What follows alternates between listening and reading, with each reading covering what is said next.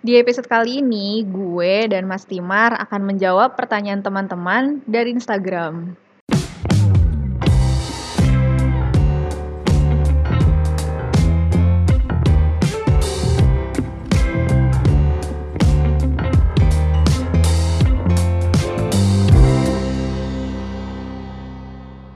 Oke, Assalamualaikum Mas Timar. Waalaikumsalam.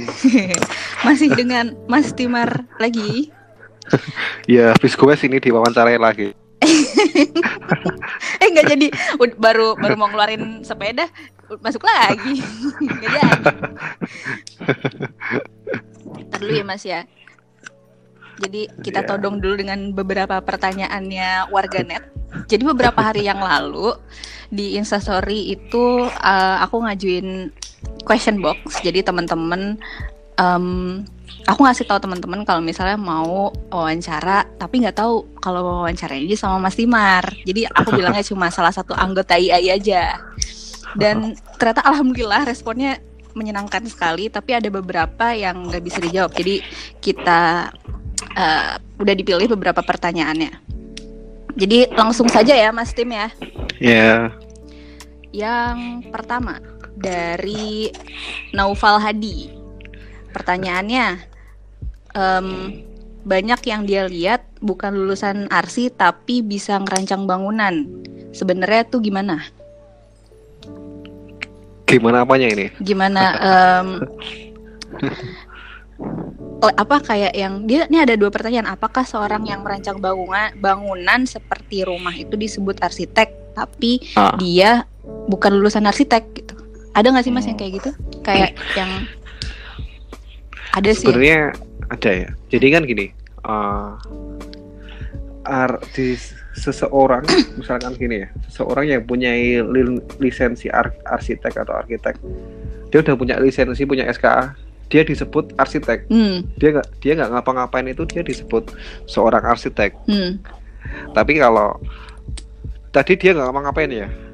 Tapi beda kalau dia orang yang eh, dia orang apa namanya tidak punya lisensi arsitek. hmm, Dia tidak bisa disebut sebagai arsitek karena tidak mempunyai lisensi. hmm, Itu sama dengannya ketika seorang membangun. hmm, Misalkan seorang arsitek tadi sebelum membangun dia disebut arsitek. Kemudian arsitek tadi membangun atau mendesain sebuah karya, hmm, dia disebut mengarsiteki bangunan tersebut gitu. hmm, Apa? Kemudian yang orang orang biasa tadi, hmm, dia sebelum membangun karena dia tidak mempunyai lisensi, dia tidak disebut sebagai arsitek. arsitek. Ah, ah. Tapi ketika dia membangun, mendesain, dia disebut sebagai arsitek. Kalau kira-kira seperti itu sih gampangannya kalau membedakan dia disebut arsitek atau enggak seperti itu sih. Jadi kalau misalkan dia nggak punya lisensi tapi dia desain itu dia sebagai arsitek. Bisa juga, bangunan itu. iya bangunan Ah, itu. Tapi ah. tidak me- eh, menjadi arsitek di lingkungannya gitu kan? Iya, kira-kira seperti itu sih. Iya sih, karena banyak juga ya. Kalau misalnya di konsultan-konsultan kan profesinya, eh, maksudnya posisinya adalah sebagai arsitek, Mm. tapi banyak banget di konsultan itu yang eh, portofolionya sudah banyak, tapi memang tidak memegang sertifikasi, Mm-mm. ya kan? Memang cuma apa namanya direkturnya saja itu. Iya, Heeh. gitu. Oke, ke pertanyaan selanjutnya. Mm. Pertanyaan dari dckyp.prsty Aduh nyusahin banget sih ini all username Nggak ada huruf vokalnya Bener nggak sih kalau nggak deadline Otak sama tangan nggak bisa kerja sama Nyeket atau SketchUp Teknis banget nih Kalau dari pengalaman kamu gimana kak? Kalau iya sih. Kalau kata dosen pembimbing dulu itu Pak Bintang Hai Pak Bintang kalau dengerin. Em, Apa sih tadi? Eh, Kalau misal eh, Desain itu nonstop proses gitu jadi kalau misalnya emang belum waktunya tuh belum selesai kayak yang ah ini bagus sekali pakai ini terus pakai Hmm. ini nah gitu sampai deadline tuh nggak bakal selesai nggak bakal berhenti gitu jadi kalau pas Hmm. deadline kan kayak oh ya udah gini aja saat udah selesai kayak gitu sih kalau aku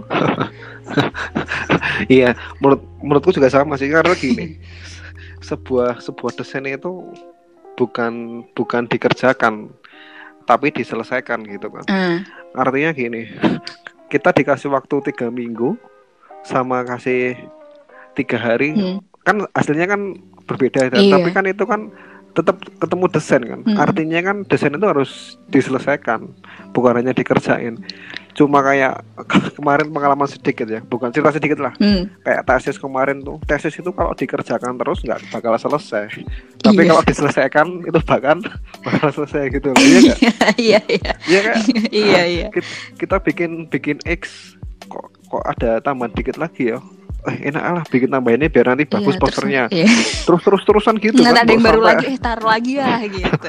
iya ya emang har- itu karena deadline tadi juga saya juga aku juga apa harus ada deadline-nya juga. Oh kalau tanggal X harus selesai. Itu pasti ya memang kayak gitu. Kerjanya seorang arsitek harus apa namanya?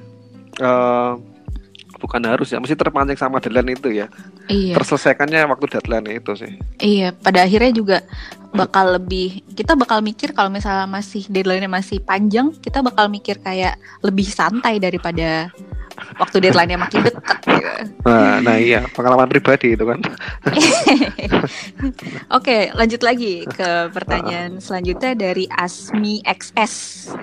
Waduh, Dari Asmi XS, kecil ya dia XS. ss.com Iya, apaan tuh? Gak tahu saya. Bisa nggak lulusan D3 RC jadi anggota IAI? Ya,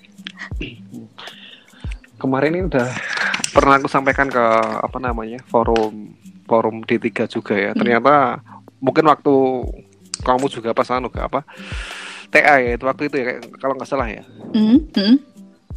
kamu TA tahun berapa itu 2018. nah kayaknya waktu itu jadi saya di diundang sama temen 2007 2017 kayaknya nah Hmm. Mas suruh ngisi itu apa? Profesi D3 S1 profesi arsitek itu kayak apa? Nanti penjelasannya kayak apa? Oh iya ternyata waktu ke sana itu yang paling penting itu untuk anak yang TA ternyata nggak datang. Oh, masih pada KP tuh, Mas. Enggak kamu masih di di kosan kayaknya itu. Enggak jadi kayaknya pengumpulan sebelum mau pengumpulan TA gitu loh. Mungkin timingnya adanya nggak pas juga. Sebenarnya itu ranahnya untuk yang mau lulus Hmm. Tom. Bahan to- topiknya itu ternyata yang datang itu anak-anak 2017 yang baru masuk malah gitu kan. Jadi nggak tepat ya sebenarnya tepat sasaran juga. Kurang tepat sasaran harusnya Hmm. itu topiknya tadi disampaikan ke anak yang mau lulus ternyata yang anak yang mau lulus tadi tidak pada datang Hmm. ternyata saya tanya itu iya mas hari Senin itu pengumpulan apa namanya draft TA padahal itu acaranya kan hari Minggu itu waduh ya udahlah tidak apa-apa sebenarnya gini Hmm. kalau di tiga masuk ke aset jadi anggota IAI ya tadi ya Iya. Setelah saya baca di undang-undang itu bisa sebenarnya Iya bisa. sih. tiga ke ter- tapi ternyata memang di situ disyaratkan minimal harus kerja 10 tahun dulu Berapa? 10 tahun Oh, ada sih di undang-undang juga ya. Ah, ah, Undang-undang di- 28 ya. ya nanti bisa di Bisa buka coba lagi. di googling aja ya Asmi XS. Jadi kalau S1 D3 kalau D3 itu kerja 10 tahun dulu kemudian nanti dapat pengakuan dari seorang arsitek Hmm. jadi nanti bisa jadi dia bisa jadi ikut anggota IAI jadi anggota arsitek tapi maksimal SKA muda itu bisa Hmm. untuk D3 tapi harus minimal 10 tahun kerja dulu lama juga ya kayak KPR katanya udah udah udah ini udah lunas tuh. Iya. KPR. kalau tadi D3 ya kalau S1 S1 itu minimal kerja berapa ya tiga tahun kalau Lima. Berapa ya? Oh, nggak salah nggak salah lima ya. Ah, baru disebut nggak usah PPR itu bisa disebut Anggota. sebagai arsitek nah.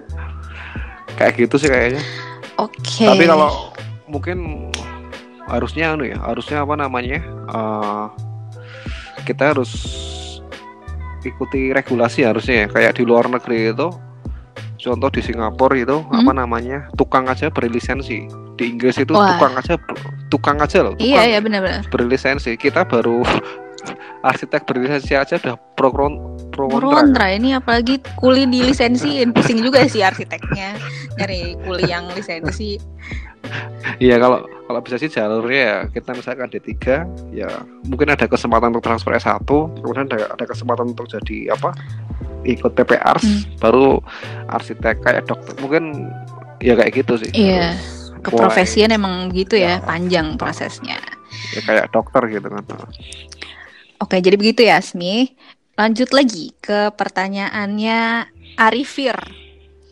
Apakah yang terjadi jika seorang arsitek salah perhitungan? Ketahuannya setelah gedung jadi. Gimana tuh, Mas? perhitungan struktur sama perhitungan apa ini budget apa ini Nggak tahu, dia perhitungan aja. Mungkin ya bisa jadi budget atau struktur. Tapi budget Pasti sih kadang-kadang kalau- yang di awal-awal. Karena kan arsitek biasanya kerjanya di awal-awal ya. Tadi kan apa namanya pertanyaannya kayak perhitungan perhitungan bangunan setelah jadi tadi Eh tapi iya, Eh, tapi ini setelah jadi. Jadi apakah yang terjadi jika seorang arsitek salah perhitungan ketahuannya setelah gedung Ah. jadi? salah perhitung ini bisa dijawab jadi dua salah perhitungannya salah perhitungan strukturnya lebih kuat atau salah perhitungannya struktur strukturnya lebih uh, kurang gitu kan Heeh. mungkin kalau lebih kuat aman ya iya, paling Tapi over kalau budget aja salah- gitu. Ah, ah, ah. tapi kalau salah perhitungannya kurang sebenarnya gini sih waktu apa namanya waktu tender mau tender apalagi untuk bangunan tinggi ya Hmm. Jadi apa namanya sebelum eh, sesudah tender itu nanti akan ada MC0. MC0 itu nanti antara konsultan, kontraktor, klien itu meeting bersama gitu kan. Hmm. Jadi meeting bersama dia si kontraktor itu ngecek ngecek keseluruhannya. Hmm. Jadi mungkin mungkin gini untuk bangunan sekelas apa high res atau gedung tinggi itu kontraktornya kan juga, kontraktornya juga udah berpengalaman kan. Artinya ketika dia waktu MC 0 dia ngecek keseluruhan dokumen, ngecek kelengkapan gambar, perhitungan struktur dan lain-lain, dia udah paham. Hmm. Menurutku dari situ. Jadi ketahuannya mungkin dari situ. Nggak nggak mungkin akan sangat jarang ya kalau ditemui sudah jadi tapi perhitungannya gagal itu mungkin sangat jarang kalau sekarang. Mungkin ditemui Tapi di tengah-tengah bisa jadi ya, Mas ya.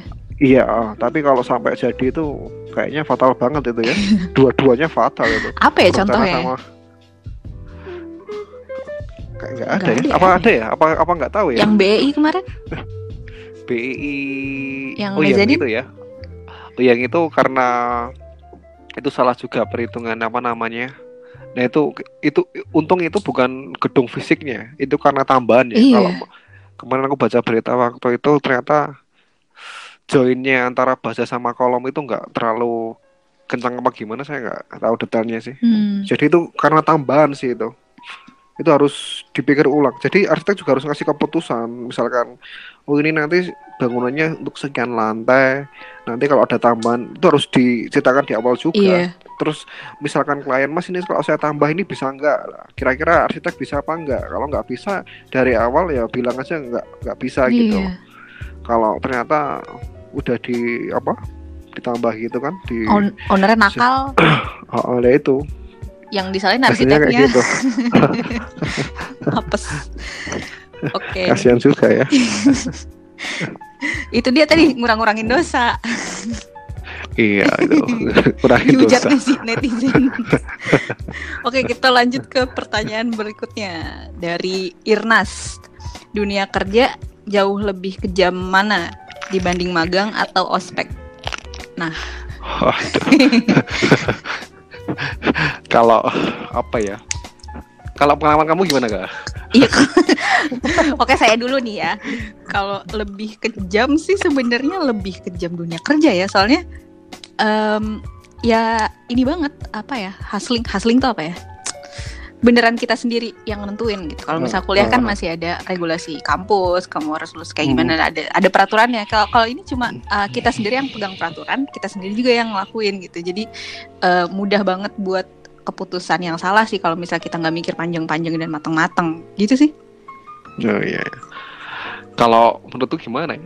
Emang anu ya beda ya itu antara ospek kuliah sama Kerja. menurutku seru kalau kerja seru, seru juga sih ya kalau ospek itu bisa jadi kan memang bedakannya juga susah juga ya kalau nggak menurutku nggak bisa dibandingin gitu loh Emang sih karena beda memang semua ya. ah, ah, ah. tapi kalau di ospek itu kan eh, ketemu teman baru gitu kan Hmm. ketemu kakak kelas baru Hmm. itu em- emang caranya mungkin pendekatannya kakak kelas ospeknya seperti itu Hmm. mungkin akan membentuk karakter kemudian kalau kuliah kuliah menurutku ya kayak gitu sih maksudnya ya emang emang tugasnya orang kuliah itu kayak gitu gitu loh Iya, Kita tiap ini punya punya punya Heeh. kekejaman dan keseruan sendiri yang beda-beda. iya oh itu tak kamu kuliah itu ya udah tahu konsekuensinya gitu loh nanti kalau Hmm. kuliah kamu harus gini gini ya ya emang kayak gitu kejam gak kejam sih menurutku nggak kejam juga emang tugasnya mahasiswa seperti iya apa enggak Iya, iya, iya.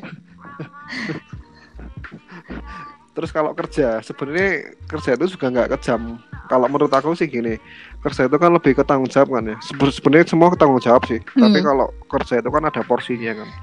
Kamu sekian, kamu ini kerjain ini, porsinya kamu sekian ini, itu nggak kejam. Tapi kalau kejamnya itu kalau kita ditambah po- porsi gitu kan. Harusnya kita cuma desain, kita disuruh ngitung RAB, kita disuruh eh, apa namanya ke lapangan, kita disuruh ngitung dan lain itu yang paling kejam itu Iya, sih. karena ini bukan avatar, kita bukan pengendali empat elemen, Pak. gajinya empat sih nggak masalah ya gaji dosen sendiri gitu kan Ah, itu. Nah, itu- Kalau itu mah nggak apa-apa. Siapa yang tidak mau disejahterakan gitu kan? nah itu sebenarnya bukan mata duitan sih kembali lagi ke profesionalitas kita kan Bener. kalau kita kerjanya sebagai A ya A gitu nggak yang lain-lain gitu kan kalau ada yang lain-lain ya ada tambahan ada kesejahteraan dan lain-lain gitu sih kejamnya seperti itu sih Setuju, setuju. Pertanyaan berikutnya ya. ya Eh, silakan diminum lagi. eh, udah disuguhin minuman yang baru di ini, episode ini rasa apa ini ini eh, karena ini udah agak-agak siang jadi eh, ini ada eh, yang segar-segar gitu agak dingin tadi kan anget ya Oh. pagi-pagi minumnya anget ini agak siang jadi ya dingin es teh apa apa es teh. Es teh manis. Es teh manis. Sambil dibacain ya pertanyaannya Iya. dari Ulhaj. Oh, bumi semakin sesak dengan pembangunan gedung. Lahan alami semakin hilang. Bagaimana menyikapinya? Berat pertanyaan ini. agak makanya suruh minum dulu tadi mas bumi semakin sesak ya. Gimana cara ngatasinnya ya? Memang gimana ya? Pertama itu memang kalau saya melihat itu yang di dalam teorinya siapa saya saya lupa. itu yang paling berkuasa atau menentukan apa itu adalah ad- adalah seseorang yang punya power kan. Hmm. Yang punya power. Yang kemudian di Indonesia sendiri yang mempunyai power adalah eh, yang membuat regulasi yaitu mungkin dari presiden dari dari apa namanya dari gubernur dari bupati gitu kan dari dari wali kota. Nah dari situ dari situ sih sebenarnya. Arsitek bisa berperan sih. Kalau cuma arsitek kita punya tadi regulasi tentang gimana sih manfaatin lingkungan biar bumi tidak sesak dan lain-lain. Kalau kita cuma ngomong bisa tapi kan kita nggak punya power kan. Hmm. yang punya power itu memang yang berkuasa. Nah itu yang paling menentukan sebenarnya sejauh ini sih yang punya kuasa tadi itu yang punya power. Jadi percuma kita ya bukannya percuma sih maksudnya apa namanya ka- kadang juga saya rasa-rasan ngomong-ngomong sama teman gini gini gini gini ternyata enggak bumi kita semakin gini gini. Nah itu yang harus pertama itu harus regulasi itu yang nentuin yang punya power sih. Ah, lagi gimana caranya seorang arsitek bisa masuk ke power itu? Harusnya itu itu yang yang susah di situ sih. Mungkin beberapa kepala daerah atau mana itu bupati wali kota itu kan jadi jadi arsitek gitu kan. Nah itu mungkin dia data mungkin dia tahu kan arah pembangunannya ke mana. Itu dia punya power dia punya pikiran itu bisa. Yang pertama itu Jadi ada ada hubungannya kah dengan pemilu 2019 ini? Jadi kayak yang untuk untuk untuk tadi itu untuk tujuan eh, lingkungan kita bisa bisa bisa kontribusi dengan dengan tahu siapa yang pengen kita pilih nggak sih mas? Iya, mungkin bisa sih ya. Visi misi dan lain-lain kan ketahuan kan arah pembangunannya ke mana. Mungkin kalau dijelaskan juga sih. Iya intinya sih pertanyaan Ulhak bisa dijawab dengan jangan golput, udah gitu doang. Karena tadi kan yang berkuasa tetap memegang peran yang paling besar dalam dalam lingkungan. Iya, benar sekali. Oke, pertanyaan terakhir. Wah, terakhir ini ya. Terakhir. Padahal 10 lagi sih masih bisa jawab. Oh baik. Nggak, tapi ini terakhir, terakhir. Yang terakhir dari Eta NBBN. Seberapa penting arsitektur Nusantara bagi Anda, bagi Mas Tim, dan gimana sih sekarang perkembangan arsitektur Nusantara? Nah itu apa namanya? Uh, salah satu arsitek terbaik kita sudah memberi contoh ya. Kayak arsitektur Nusantara, kayak Andra Matin, Hmm, terus kayak. Yuri Antar, uh, dia selalu dia selalu menerapkan apa namanya arsitek yang kontekstual kayak yang tadi Nusantaranya nggak harus berbentuk Nusantara mungkin Ya. bukan dari fisiknya tapi nilai-nilainya dan rasanya. Ah itu yang kadang harus kita rasakan Hmm. kita nggak bisa melihat bentuk mana sih Nusantaranya Hmm. gitu kan ternyata kita bisa merasakan itu waktu kita merasakan masuk ke dalam ruangan oh ternyata Nusantaranya itu seperti ini itu juga sangat sangat sangat penting menurut aku karena ya tadi balik lagi seperti apa namanya eh apa namanya gak Apa tuh? rekaman masa rekaman sesi yang Oh, episode yang sebelumnya. Ah, ah. kayak tadi nama tadi loh nama seseorang di Sumatera itu beda Oh, karakter Nama di Jawa dan beda. Identitasnya Nah. tuh tetap ada gitu ya. Ah, ah, terlihat nah, kayak gitu sih menurutku sangat penting gitu jadi jadi orang misalkan misalkan ya di sebuah bandara kalau image-nya bandara itu kan orang datang itu dia udah menunjukkan di situ itu daerahnya gitu loh Oh, Hmm. ternyata wajah wajah wajah suatu daerah itu biasanya kalau di negara-negara atau di daerah-daerah dari bandara kan wajahnya itu apa sih Ah, identitasnya bisa Wajah. terlihat kalau dia Ah, sudah ah. nyampe di tempat itu gitu. Oh sangat penting. Masa desain Papua sama desain Jawa Tengah disamain? Nanti orang foto di Jawa Tengah sama Papua kan nggak ada bedanya. Hmm. minimal bisa nebak gitu. Nggak usah dikasih tulisan oh ini bandara daerah Jawa ya. Oh ini bandara daerah Papua ya. Wah, itu sangat penting juga. Kemudian perkembangannya saya rasa sudah sudah mulai sih. Sudah mulai apa kalau lihat bangunan-bangunan yang besar itu udah mulai apa namanya eh, Tergerus ya nilai-nilai ah, ah. arsitektur Nusantara ya.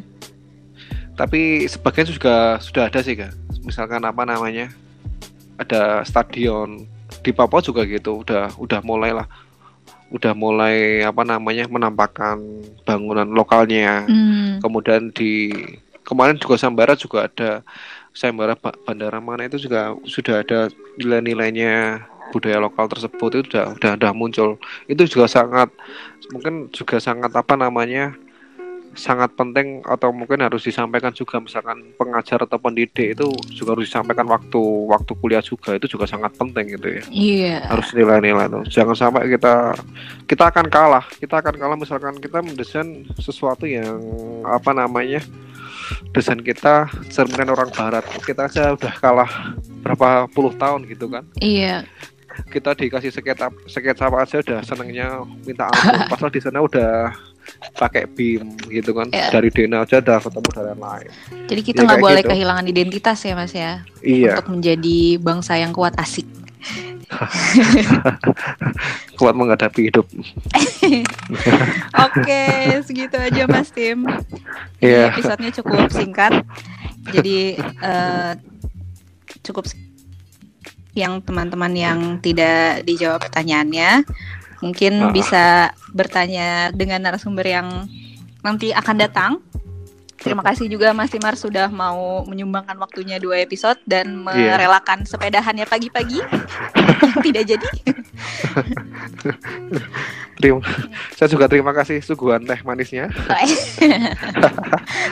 Teh manis online.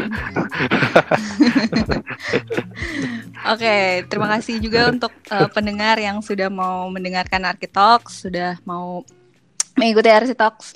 Jangan lupa di follow di Instagramnya @arkitalks.podcast. Selamat um, beraktivitas teman-teman. Wassalamualaikum warahmatullahi wabarakatuh. Oh.